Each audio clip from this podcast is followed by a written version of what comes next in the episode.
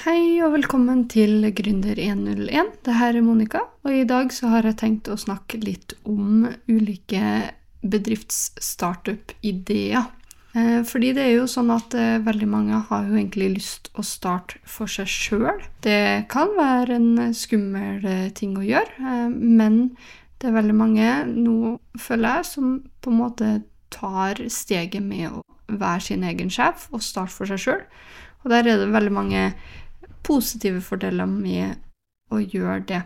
Men så er det jo ikke alltid sånn at man helt vet eh, hva man har lyst å jobbe med. Eh, så jeg tenkte at eh, jeg skulle ta oss og komme opp med ulike strategier for hvordan du kan finne et marked eller en bedriftsidé for din bedrift, og hvordan du kan eventuelt prøve å finne mer informasjon denne ideen videre.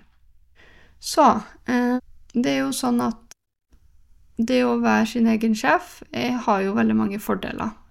Man eh, kan starte når man vil i løpet av en dag, og man kan jobbe så mye man vil med bedriften. Og den eneste du må ta hensyn til, er deg sjøl, rett og slett. I hvert fall i begynnelsen. Det spørs om du får ansatt eller ikke. Du må jo alltid ta hensyn til de andre ansatte som du ansetter. Eh, men du har i hvert fall ikke noe sjef oven, overfor deg. Det, det, er bedriften og du som jobber sammen for å nå de målene som du setter. Så har du lyst til å ta fri en torsdag og en fredag, så kan du faktisk det hvis du føler at du har eh, råd til det, og du føler du har behov for det i en vanlig jobb så er det jo ikke sånn at man kan eh, ta fri bare plutselig en torsdag og en fredag og ikke jobb. Det, da går det rett og slett utover lønna di, og det går utover eh, kanskje arbeidsforholdet du har med jobben og sjefen din. Det er ikke alltid sjefene er så fornøyd når man tar fri, bare fordi at man føler for det. Eh, og så er det sånn at det er ikke sikkert at sjefen din rett og slett lar deg få lov til å få fri heller. Så der er en stor fordel med å ha sin egen bedrift, fordi du kan sjøl bestemme når du skal ta fri eller ikke. Det er jo også ulempe, da. Du jobber jo veldig mye mer eh, med en bedrift. Fordi det blir nesten som barnet ditt, og du føler at du må prestere, og du føler at eh, du må gjøre det bra. Og det er du som står for hele inntekten. Og det står egentlig på deg. Så det er jo fordeler og ulemper. Men det, det er veldig mange som kanskje etter pre-korona som har bare funnet ut at de har ikke lyst på å ha en sjef noe mer, og de vil egentlig ha frihet og selvstendighet, og de vil gjøre det de sjøl har lyst til, og blir ikke Setter egentlig ikke pris på de arbeidsoppgavene som man får i bedriften. Og så er det jo veldig mange f.eks. lærere og andre yrkesgrupper, sånn som f.eks. sykepleiere. Som, og det, det, er sikkert i alle andre eh, yrkesgrupper også. Er, jeg skal ikke si det. Jeg bare tar to eksempler som vi hører veldig masse fra media. Eh, som faktisk er helt, helt utslitt og ser etter andre eh, jobber som de kan ta istedenfor.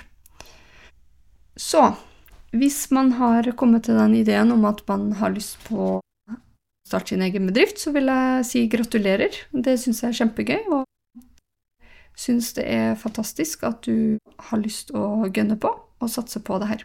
Så kjempebra. Jeg heier alltid på alle de som starter bedrifter, og jeg syns det er kjempegøy å diskutere med andre med bedriftene. På den ene jobben min så er det en som har starta en bedrift. Og hver eneste gang jeg møter en, så spør jeg hvordan Eller hver eneste uke, da. Kan ikke spørre hver dag. Men hver eneste uke så spør jeg en hvordan går det med bedriften, hva, hvor langt har dere kommet, hva, hva gjenstår? Og så kommer jeg med tips og triks. Ikke det at han nødvendigvis trenger det alltid, men, eh, men jeg syns det er veldig gøy å gi av meg sjøl og snakke om bedrifter med andre. Fordi det, det, er en ting som er lurt å gjøre når man starter en bedrift, og eh, finne noen man kan ha sånn nettverksmøter eller rett og slett snakke bedrift med, som har en bedrift sjøl, eller har starta en bedrift sjøl. Fordi man får så mye innspill som man kanskje ikke har tenkt på. Eh, og så er det mulig å bounce litt ball med dem. Kaste ball heter det på norsk. Mulig å kaste litt ball med dem. og så forstår de deg på en helt annen måte enn kanskje familien din og partneren din nødvendigvis gjør akkurat her og nå. Så det anbefaler jeg virkelig. Men så kommer vi til det som podkast-episoden egentlig handler om, da. Hvordan i alle dager finner man ideer til bedriften sin som man har lyst til å starte? Og hvordan vet man om det her faktisk er en god idé eller ikke? Og sånne ting veldig, veldig lurt å bruke litt tid på i begynnelsen, før man starter bedriften, og gjør undersøkelser på forhånd. Finne ut er det, er det mange i Norge som har starta det her, finnes det et marked for det? Um, og prøv å snakke med folk for å innhente mest mulig ideer om startup-ideen din før du faktisk eh, investerer si 100 000 i bedriften din. Du sparer deg så mye tid og en mulig failure ved å gjøre det. Så det anbefaler jeg. Og så, når det gjelder det å prøve å finne ut hva du skal gjøre, da, så anbefaler jeg jo først og fremst å se i din egen radius. Hva er det, hva er det egentlig du akkurat nå holder på med? Er det noe der du kan starte med? Fordi det du holder på med akkurat nå, det er jo det du er god på. Det kan være interesser, det kan være hobby, det kan være nåværende jobb, eh, det kan være noe du studerer. sant? Prøv også å se om det er et markedshull i det du gjør, som kan være noe du starter på. Fordi det er veldig masse som ikke er utvikla, som folk ikke har gidda å utvikle, rett og slett fordi det tar for mye tid og energi. Eller noe man tenker at man burde, men rett og slett ikke har tida til akkurat nå. Eh, og så kan det være at eh, det er noe som faktisk du oppdager som ingen andre har oppdaga, og ser en mulighet her.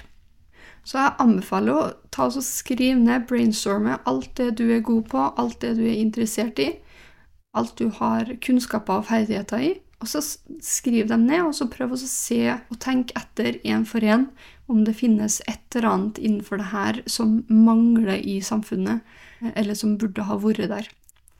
En annen ting man kan gjøre, er å browse litt i media og sånn. Se om det er et eller annet Media er jo veldig glad i å kritisere, sant? veldig mye negativt i media. Men med den negativiteten så finnes det jo også et markedshull, fordi det er et ønske om at ting skal være annerledes. Si eksempel med Nå skal ikke jeg kritisere tjenesten, det gjør jeg altså absolutt ikke, men media har jo vært ut annet kritisert pasientreiser for manglende oppfølging for de eldre, f.eks. Går det an, er det et markedshull der hvor man kan tilby private tjenester til de eldre? Hvor man blir med å, å hente dem fra helsehjemmet sitt, følger dem helt inn til sykehuset, blir med dem på legetimen, tar dem med helt tilbake til helsehjemmet og avleverer en rapport, f.eks. Er det mulig?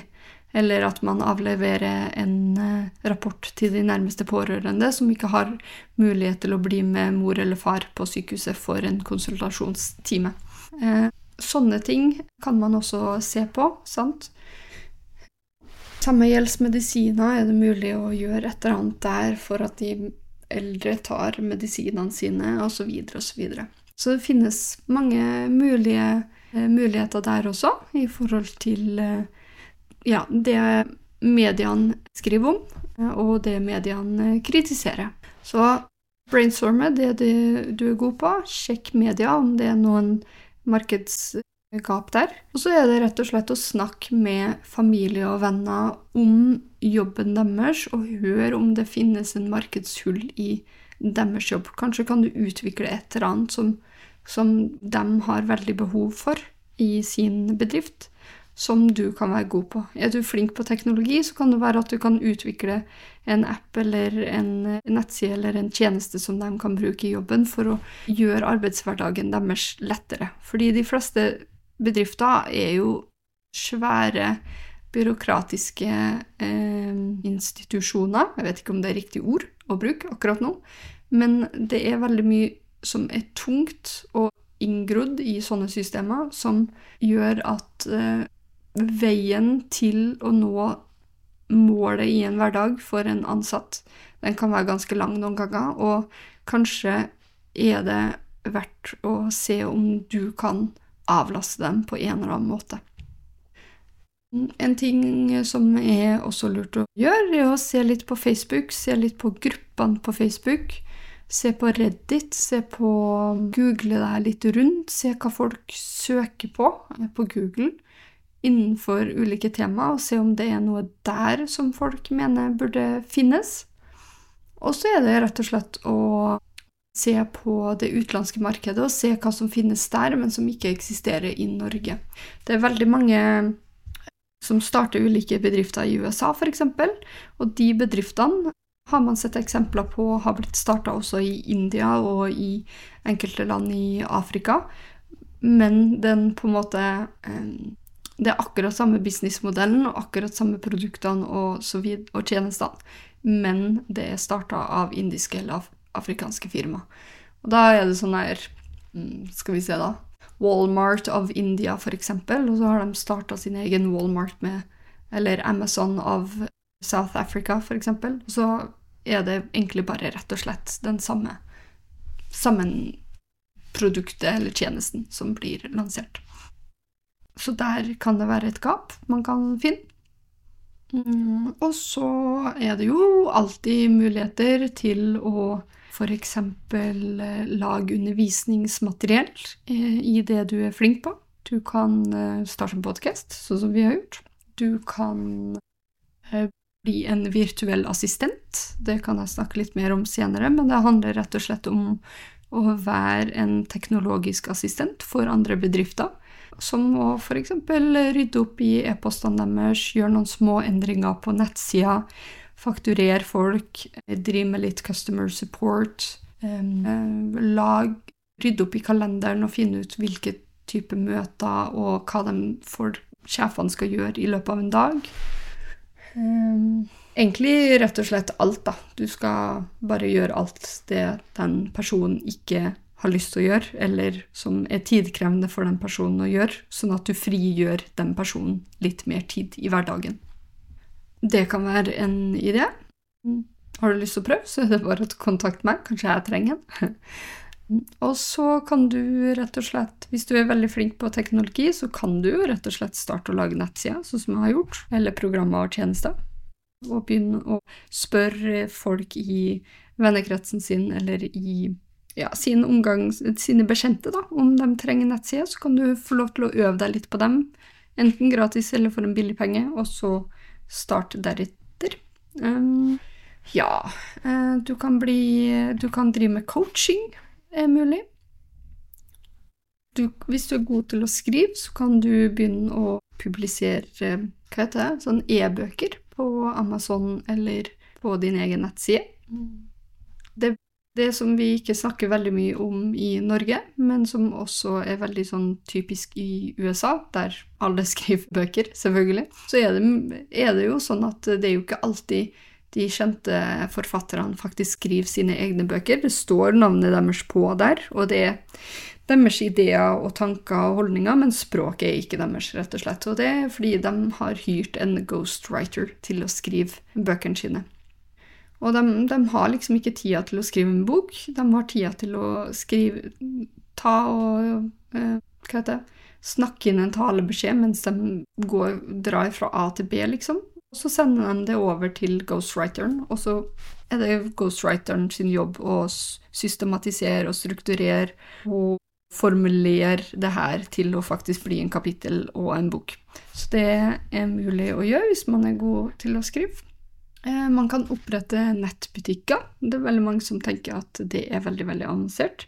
Trenger egentlig ikke å være det. Nå finnes det noe som heter dropshipping også, som vi kanskje ikke snakker om så mye nå heller, men man kan koble seg på ulike varehus Nei, hva heter det? Ikke varehus. Um, produsenter, skal vi kalle det for det. Og så kan man selge de varene som de produserer, og du sender bare en bestilling til de produksjonshusene når du faktisk har fått en bestilling. Det betyr at du slipper lagerplass, og du slipper å bruke veldig, veldig, veldig masse penger akkurat der og da for å kjøpe inn veldig mange gjenstander, uten at du nødvendigvis vet om du får solgt eller ikke. Og du kan tjene en del penger på det. Eneste ulempe med det er jo at du må sette deg inn i importreglene i Norge, og det kan være veldig dyrt å lansere rett og slett dropshipping i Norge og få importert produkter til Norge. Men det hindrer deg ikke i å starte en dropshipping i f.eks. Danmark eller i Frankrike eller i Tyskland eller noe sånt. Og du trenger rett og slett ikke å kunne det språket heller. Du kan basere deg ganske lenge på mm, Google Translate og ChatGPT, f.eks. Og så kan du, når det går veldig, veldig bra, så kan du hyre inn en f.eks. en tysker eller en danske eller noe til å hjelpe dem med customer support, hvis det er en del av det. Så det er mulig å gjøre. Du kan ja, man har jo ikke drevet med så mye eventer og sånn eh, pga. korona, og folk begynner jo sakte og sikkert ha lyst å gjøre andre ting enn å bare sitte inne hele dagen lang. Så det er mulig å lage en sånn event company, eller ja, lansere noen ulike arrangementer som folk har lyst til å gå på. Det er mulig. Mm, ja ja, eh, også i forhold til dropshipping, da, det glemte jeg å si, så er det jo en annen måte å gjøre det her på også. Det er ved å ha sånn abonnementtjenester, eller en, ja, en abonnementtjeneste på produkter, f.eks. Så du velger deg ut et produkt eller et, en kategori av produkt. Si f.eks. Jeg vet ikke, jeg. Lys, f.eks. Og så Eller noe sånn lys og såpe, f.eks., så kan du på en måte lage et abonnementstjeneste hvor folk betaler si 100 kroner i måneden, og så får de tilsendt automatisk en eller annen ting i, av de her produktene hver måned. Det kan være en mulighet også. Da får de en surprise hver måned. De vet ikke hva de mottar, det er litt ekstra gøy. Og så slipper de å ta hensyn til om å huske å kjøpe det her hver eneste måned. Og så er det litt sånn luksuriøs feeling med det også. I hvert fall hvis man fokuserer litt på mm, brukeropplevelsen med å skaffe en veldig fin eske og ha sånn eh, knitrepapir eller et eller annet fargepapir inni en custom-made kort, f.eks., eller noe sånt som gjør til at folk syns at det her er en veldig god opplevelse, da, til en billig penge. Det er også veldig eh, mulig å gjøre. Eh, så abonnementtjeneste kan være lurt. Her kan du også lage apper som på en måte krever en sånn abonnementstjeneste også. En sånn freemium eh, kalles det. At deler av appen er gratis, mens andre deler av appen er, må du betale for hvis du skal ha flere features. Det er mulig å gjøre. Mm, og det, det er jo veldig mange forskjellige abonnementtjenester der ute. Spesielt er det jo det på sminke, så der er det jo mulig å se om du finner et hull i markedet der også. Eh, det startes jo også en del sånn abonnementtjenester for eh, mat. Sånn som for eksempel Hello Fresh og Adam. Adam? Adams matkasse.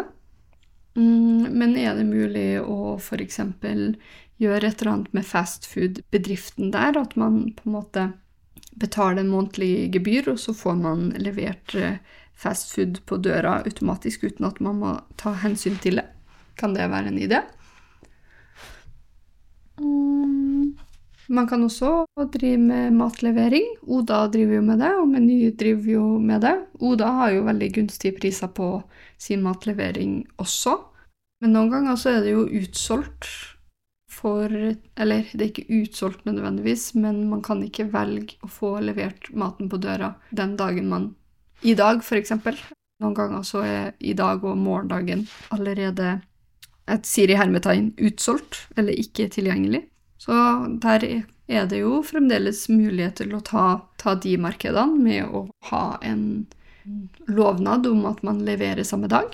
Det kan være en idé. Ja, jeg syns at uh, begynne å nærme det jeg kan, kan, huske Altså, man kan også drive og selge brukte klær. Veldig mange, mye fokus på brukte ting og møbler og klær. Det kan man gjøre, eller man kan selge vintage klær, f.eks. Hold, holde seg til en nisje. Man kan rett og slett begynne å blogge også. Det var veldig morsomt. Jeg hørte på en podkast om en som heter Ramone. Dette er amerikansk, selvfølgelig. Han, eh, han, var en sånn type gründer som starta flere bedrifter, eh, og syntes det var veldig gøy med sånne ting. Eh, men han var mer ute etter å se at han faktisk tjente på det han starta. Så hvis han Han starta det i sånn én til to måneder, tre måneder, fire måneder, og hvis det på en måte ikke genererte en god nok inntekt for den, så på en måte droppa han det, og så starta han med en ny idé. Det var liksom det han gjorde, da. Så da fant han ut at eh, etter hvert da at ok, jeg skal starte en uh, bloggefirma. Jeg skal, drive, jeg skal starte å blogge med noe.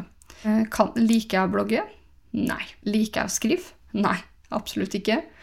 Men hva skal jeg blogge om, da? Nei, det vet jeg ikke. Så det han gjorde, da, han falt ut ulike tema som han tenkte at eh, amerikanske folk kunne ha vært interessert i. Og så laga han rett og slett eh, jeg tror det var tre, fire, fem Facebook-sider. Og så begynte han å publisere litt sånn eh, interessante ting om de ulike temaene på de, og så så han hvor mange følgere han fikk, og hvor mange likes han fikk generert over en god periode.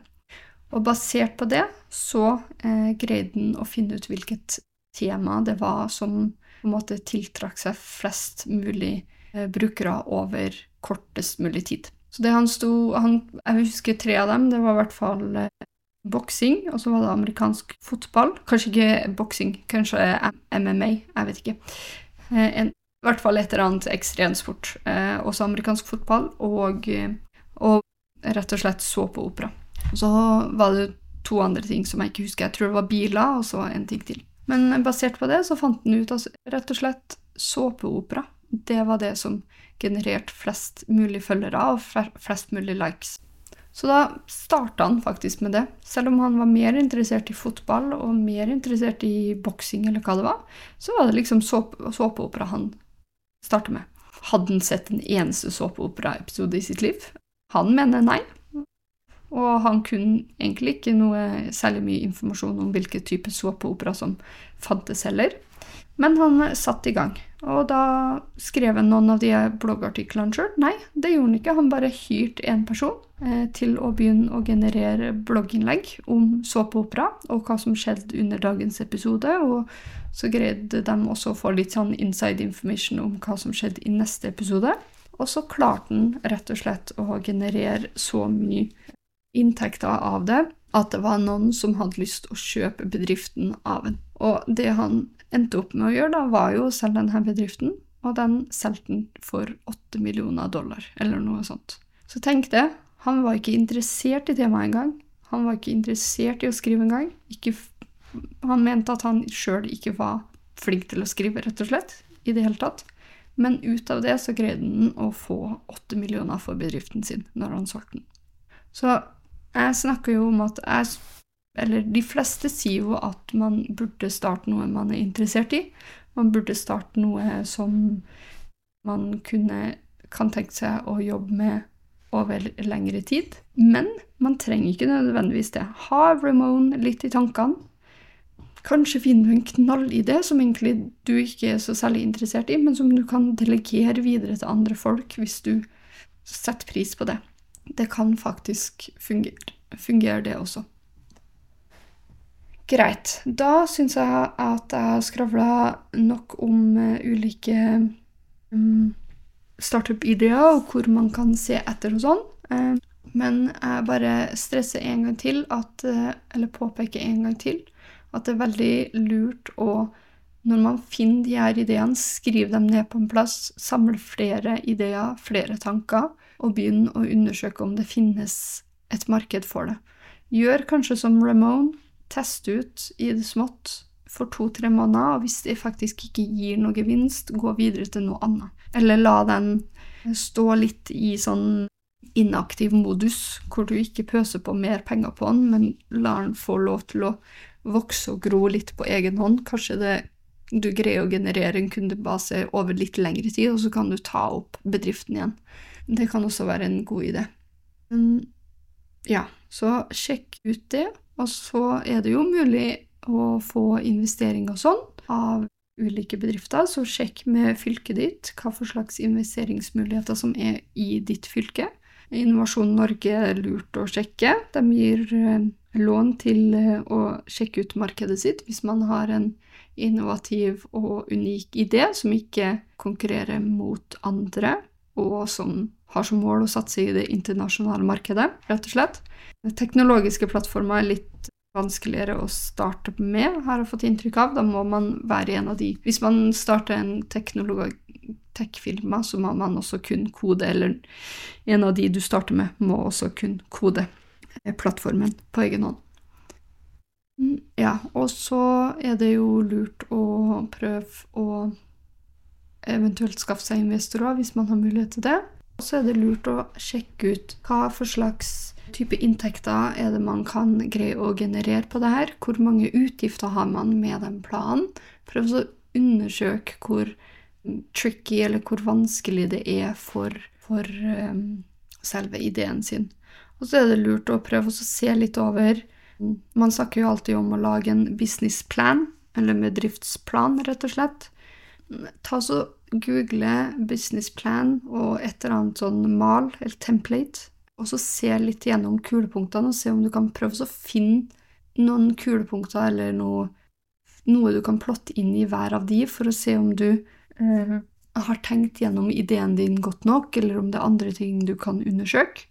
Um, ja, rett og slett. Og se om det er noen du skal prøve å få med på laget på å lage denne bedriften, eller om du klarer det sjøl eller ikke. Jeg har satt utrolig stor pris på hvis du kunne bare ha sendt meg en mail og skrevet bare en setning eller to om hva du syns om denne episoden. Send meg et spørsmål. Det har vært kjempekult hvis jeg kunne ha mottatt noe i innboksen min. Og så håper jeg at du har lyst til å høre videre på mine episoder, og da anbefaler jeg deg rett og slett å trykke på følg-knappen for å eh, få varsel om at mine episoder dukker opp. Jeg prøver å lansere dem hver onsdag. Og så hadde det vært veldig fint hvis jeg også kunne ha fått en tilbakemelding i Spotify eller eh, hva heter det, Apple Podcast om hva du syns om episoden. Det hadde vært veldig gøy. Greit, det var episoden for i dag. Tusen, tusen hjertelig takk for at du hørte på, og så snakkes vi i neste episode.